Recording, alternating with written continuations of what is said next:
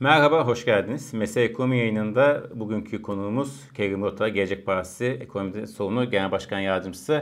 Merhaba Kerim Bey, nasılsınız? Teşekkür ederim sevgili Semih. İyiyim, sizler nasılsınız?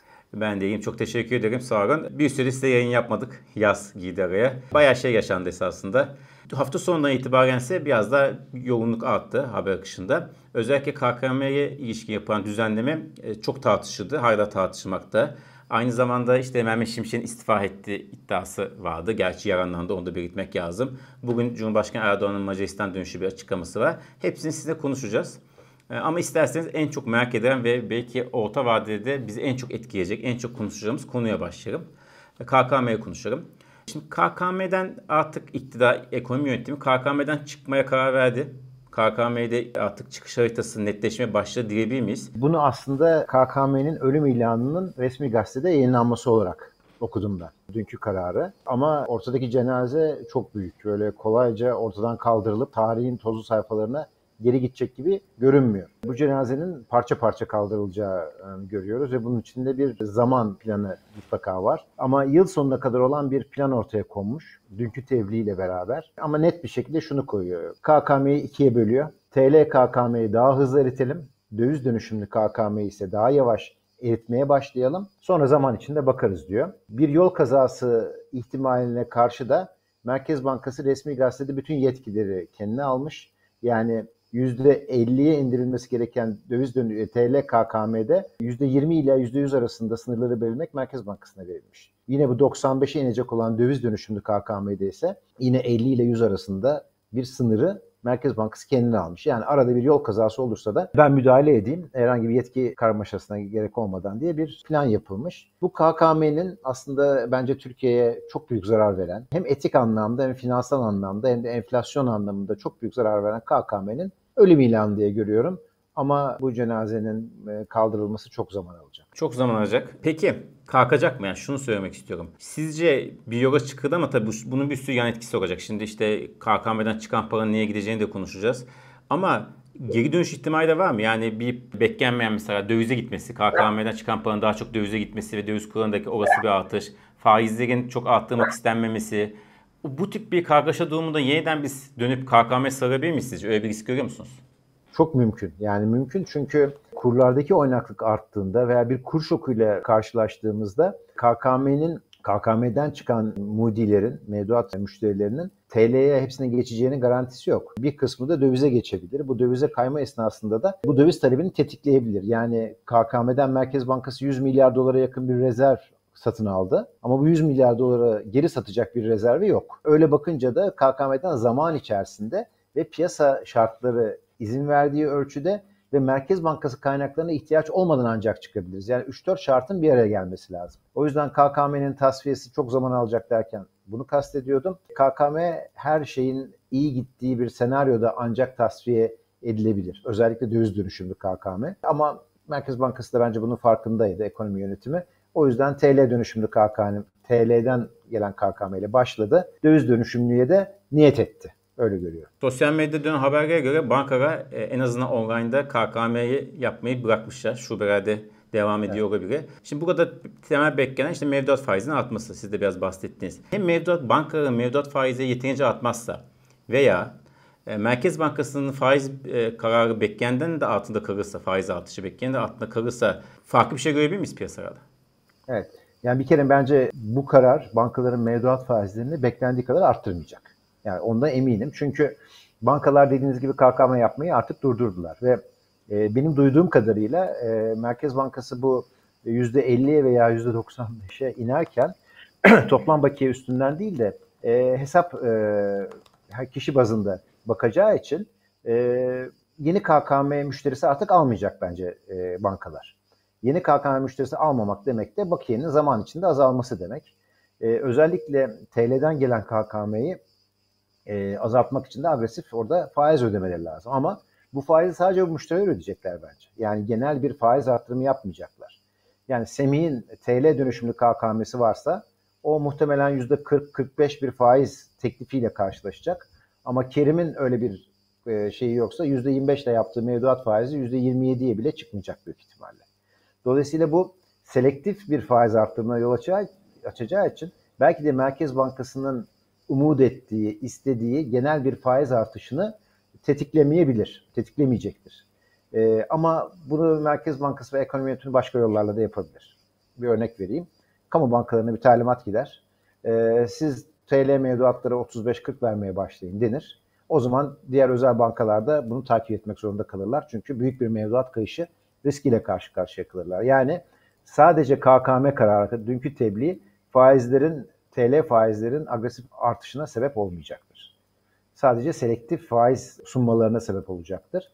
Yeni KKM açılmayacak. Bence iki, iki tür KKM'de, döviz dönüşümlü TL KKM'de açılmayacak ve bankalar hassas bir şekilde mevcut KKM müşterilerinin paralarını döndürüp diğerlerine artık bu ürünümüz rafta değil diyecekler bence. E, bu da e, selektif önermenin e, çok daha e, kolay olmasına yol açacak. Peki Kerim Bey şimdi şunu anlamaya çalışıyorum. Şimdi dediğiniz ya mesela KKM'den dönene işte yüksek faiz verecek mevduat, TL mevduat. Ama şimdi bir ay sonra mesela bir ay vade yaparsa 32 gün en çok kullanılan. Bir ay vade yapıldığında bir ay sonra artık o KKM müşterisi olmuyor. Doğru. E o zaman hangi faizi 45'ten 30'a mı düşecek yani? Yani bu KKM müşterileri açısından da önemli bir risk. Yani KKM benim en azından döviz cinsi ana paramı garanti eden bir ürünken buraya bir aylık veya 32 günlük bir geçişte önerilecek faiz çok yeterli olmayabilir. Yani teşvik ancak uzun vadelerde mümkün. Bence mesela 32 günlük bir vadede yani senin KKM'ne 17,5 veriyorum ama gel TL mevduata 40 verelim dediğinizde aradaki 22,5 aylık %2 civarında bir fark. Oysa kur oynaklığı bundan çok daha yüksek olabilir. O yüzden bankaların dünkü tebliğ ve bankaların yeni KKM açmama kararı KKM'yi daha değerli bir hale getirdi. Böyle bir paradoks var. Şimdi herkesin işte esasında en çok merak ettiği soru KKM'den çıkan para neye gidecek? Biz onunla ilgili bir anket de yaptık YouTube'da. Evet. KKM'de paranız olsa bundan sonra neye yatırırsınız KKM sonrası diye. Şimdi o ekrana da gelecek. KKM'den çıkarsanız paranızı neye yatırırsınız? Döviz %50, altın %21, borsa %19, Türk lirası mevduat %5, diğer de %5. Şimdi esas korkulan bu zaten. Yani şu buradaki en büyük risk bu. Bir şekilde insana ikna olmazsa dövize yönelirse ne olacak? Sizce Şimdi bu ihtimal şöyle, masada mı? Tabii ki masada. Zaten Merkez Bankası da TL KKM'lere %50 deyip döviz dönüşümlü KKM'lere 95 demesinin sebebi de bu. İki tane sebebi var. İlk sebebi döviz dönüşümlü KKM'lerde Merkez Bankası o şahısa, o mudiye döviz satmak zorunda. Merkez Bankası kurunda. Ama TL dönüşümlü KKM'de böyle bir zorunluluğu yok. Dolayısıyla TL'den KKM'ye gelen müşteriler döviz alsa bile bu Merkez Bankası'nı ilgilendiren, ilgilendiren bir tarafı yok. Birinci sebebi bu. O yüzden o kısmını çok daha agresif planladılar. İkinci kısmı ise TL KKM nispeten daha küçük bir tutar. Yani tahminen 1 trilyon olduğu tahmin ediliyor E507'nin tahmini. 1 trilyon lira. E hadi bunun da yarısı yarıya indirin 500 milyar lira. Dönüşleri de ilave edin 600-650 milyar lira civarında bir kayıp e, maksimum söz konusu olabilir. Bu da dövize çevirirseniz 20 milyar dolar civarında bir dövizdir. Merkez Bankası da şunu hesaplıyor olabilir. Piyasa kendi içinde bir 20 milyar doları satar. Ben de bunun bir kısmını gerekiyorsa satarım. Biraz portföy yatırımı gelir. Yıl sonuna kadar bu KKM'den bir 20 milyar dolarından kurtulmuş oluruz. 120 milyar dolar değil 100 milyar dolarlık bir KKM ile yıla başlarız diye planlama yapmışlar bence. Peki mevduat kısmı konuştuk. Biraz da kredi bacağını konuşalım. Bu kredi faizleri üzerinde bir etki yaratır mı? Yaratacak. Yani bunun içinde Merkez Bankası tebliğini beklememiz lazım. E, iki e, burada da unsur var. Ta, çok yakın takip edilmesi gereken.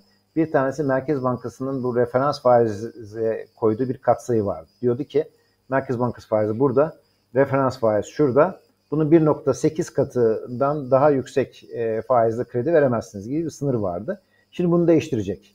Bunu muhtemelen Perşembe gün PPK kararından sonra değiştiğini göreceğiz. Benim tahminim %40'ın altında pek bir kredi e, faizinin kalmayacağı yönünde. Yani Merkez Bankası bunu da yükseltecek. E, dolayısıyla bu krediler anlamında da bir sıkışmaya yol açacak. Mevduat faizleri o kadar belki yükselmeyecek ama kredi faizleri daha fazla yükselecek. Öyle anlaşılıyor. Bu tabii Merkez Bankası açısından e, amaçladığı, faizle yapamadığı, politika faizle yapamadığı sıkılaşmayı becerebilmek anlamında önemli olacak. İkinci yakın takip etmemiz gerekense dünkü tebliğde geçici 15. madde diye geçen e, Merkez Bankası'nın e, bu menkul kıymet tesisinin yeniden belirlemesine yönelik hamleleri olacak. Onu da takip edeceğiz. Yani şu anda e, ne oldu? Merkez Bankası %60 Türk lirası mevduatlığa tutmasını istiyordu bankalardan. Sonra bu %57 indi. Hafize Gaye Arkan'ın ilk kararlarından bir tanesiydi. %57'den daha düşük bir TL mevduat oranınız varsa KKM dahil menkul kıymet tutuyordu bankalar. Şimdi bu kalktı. Şimdi bunun kalkması ilk olarak akla şunu getiriyor. Artık bankaların menkul kıymet yükümlülüğü kalmadı değil mi? Dolayısıyla menkul kıymet yükümlülüğü kalmamış bankalar KKM'den ne kadar menkul kıymet tutsa da çok önemli değil. Zaten onu ona saydırabilirler diye düşünebilirsiniz. İşte bunu yapmayacaklar. O geçici 15. maddeyle bankalara yeni bir menkul kıymet testi yükümlülüğü gelecek ve muhtemelen ellerindeki mevcut tahvilleri satma, satmamalarına yetecek şekilde bir şey ayarlanacak. Finansal baskılanma ürünü ayarlanacak. E, böyle bakınca da hala faiz dışı yan yollara, politika faiz dışı yan yollara sapmış bir para politikasını yönetmenin ne kadar e, zor olduğunu bence ortaya koyuyor. Bu arada bir anekdot olarak da şunu söyleyeyim. Geçici 15. madde 1982 anayasında da ıslahında da vardı. Geçici 15. madde generallerin ömür boyu yargılanmamalarını sağlayan bir maddeydi. O yüzden Merkez Bankası'na tavsiyem ve bir geçici 15'te 10, 16 yapsınlar, 14 yapsınlar. Ee, insanın aklına o geliyor. evet güzel uyuyordu. Peki şunu sorayım artık bu konuyu kapatırken. Şimdi bankacılık hisleri Cuma günden beri hızla düşüyor. Hatta Cuma günü düşüşü de buna bağlandı. Önceden sızdırdı mı acaba haber diye. Bugün de %3 aşağıda. E, gerçi borsa yukarıda onu da belirtirim. Çünkü Türksel ve Türk Telekom çok ciddi bir yükselişte. Onunla ilgili de çeşitli spekülasyonlar var. E, satıldı mı acaba o, o yüzden yükseldi. Onu bir parantezle belirtirim. Bankalar için e, iyi bir haber değil mi bu? Yani bu düzenleme bankaların karlılıkları üzerine negatif etki mi yapacak? E, ben abartıldığını düşünüyorum. Yani bankacılık sektörü açısından bu kararların orta vadede sağlıklı olduğunu düşünüyorum ve pozitif olduğunu düşünüyorum. E, tabii ki bankaların e, mevduat maliyetleri artacak. Yani ama bu selektif artacak. Yani bütün mevduatlarının bir anda 10 puan artması gibi bir durum bence ortaya çıkmayacak.